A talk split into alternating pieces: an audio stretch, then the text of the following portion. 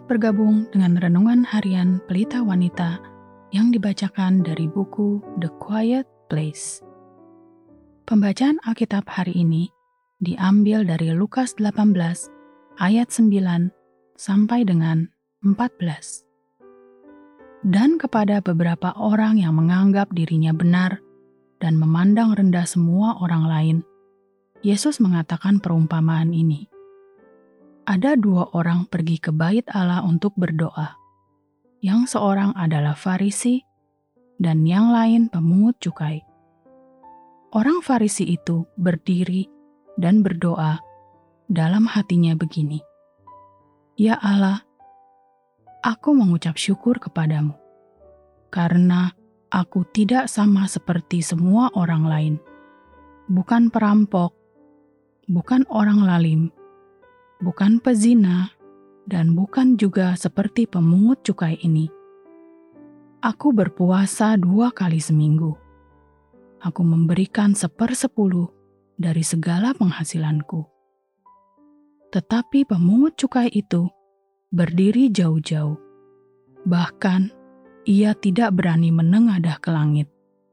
Melainkan, ia memukul diri dan berkata, Ya Allah, kasihanilah aku, orang berdosa ini.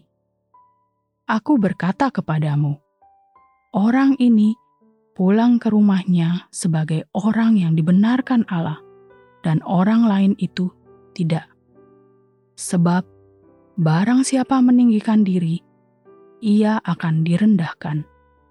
Dan barang siapa merendahkan diri, ia akan ditinggikan. Ayat kunci hari ini adalah Lukas 18 ayat 13. Tetapi pemungut cukai itu berdiri jauh-jauh, bahkan ia tidak berani menengadah ke langit, melainkan ia memukul diri dan berkata, "Ya Allah, kasihanilah aku, orang berdosa ini." Tinggi dan rendah Selama beberapa tahun ini, saya menyadari bahwa semakin tinggi posisi kita dalam hal kuasa, pengaruh, dan kekayaan, dengan kata lain, semakin banyaknya orang yang menghormati kita, maka kita akan semakin mudah untuk menjadi sombong dan menipu diri kita sendiri, dan cenderung kita akan menjadi buta terhadap kebutuhan rohani dan kekurangan-kekurangan kita. Ketika kita berada pada posisi yang berpengaruh, ada reputasi yang ingin kita pertahankan. Kita takut kehilangan reputasi jika kita jujur dalam mengungkap kondisi rohani kita yang sesungguhnya apa yang akan orang lain pikirkan? Bagi kita yang telah lama hidup berjalan bersama Tuhan selama bertahun-tahun dan dihormati oleh orang banyak, serangan halus atas harga diri kita akan lebih berbahaya jika dibandingkan dengan jenis kegagalan lainnya yang cenderung membuat kita tidak berguna bagi Allah dan orang lain. Kesombongan mengakibatkan kita lebih memperhatikan dosa dan kegagalan orang lain daripada dosa dan kegagalan diri kita sendiri. Tetapi, bukankah Allah akan lebih tersakiti oleh karena kesombongan dan jiwa kita yang tidak mau diajar? Walaupun tampak luarnya kita terlihat begitu terhormat dan rohania dibandingkan dengan orang yang berzina dan pemabuk, tidak menutupi kenyataan bahwa mereka bukanlah orang yang saleh. Kenyataan sesungguhnya adalah orang Kristen yang sombong dan tidak hancur hati telah mengakibatkan jauh lebih banyak kehancuran bagi gereja daripada hal-hal yang bisa diakibatkan oleh pendosa-pendosa dari luar gereja.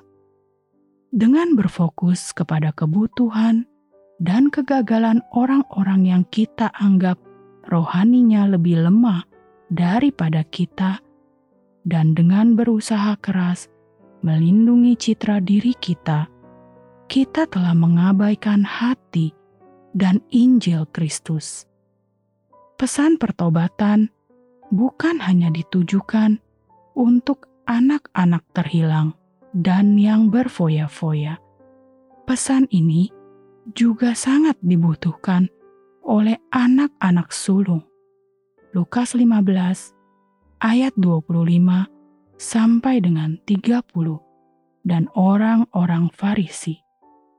Kabar baiknya adalah anugerah Allah selalu tersedia bagi mereka yang merendahkan diri dan mempersembahkan kepada Allah pengorbanan yang paling Dia inginkan. Hati yang hancur dan penuh penyesalan akan dosa.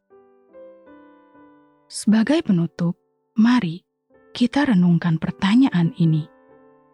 Sudah berapa lamakah sejak Anda mendapati diri Anda menangis di hadapan Allah, memohon belas kasihannya, seperti yang dilakukan oleh si pemungut cukai? Mintalah kepada Allah untuk memperdalam kesadaran Anda akan kesuciannya dan keberdosaan Anda, supaya Anda diberikan anugerah oleh Allah.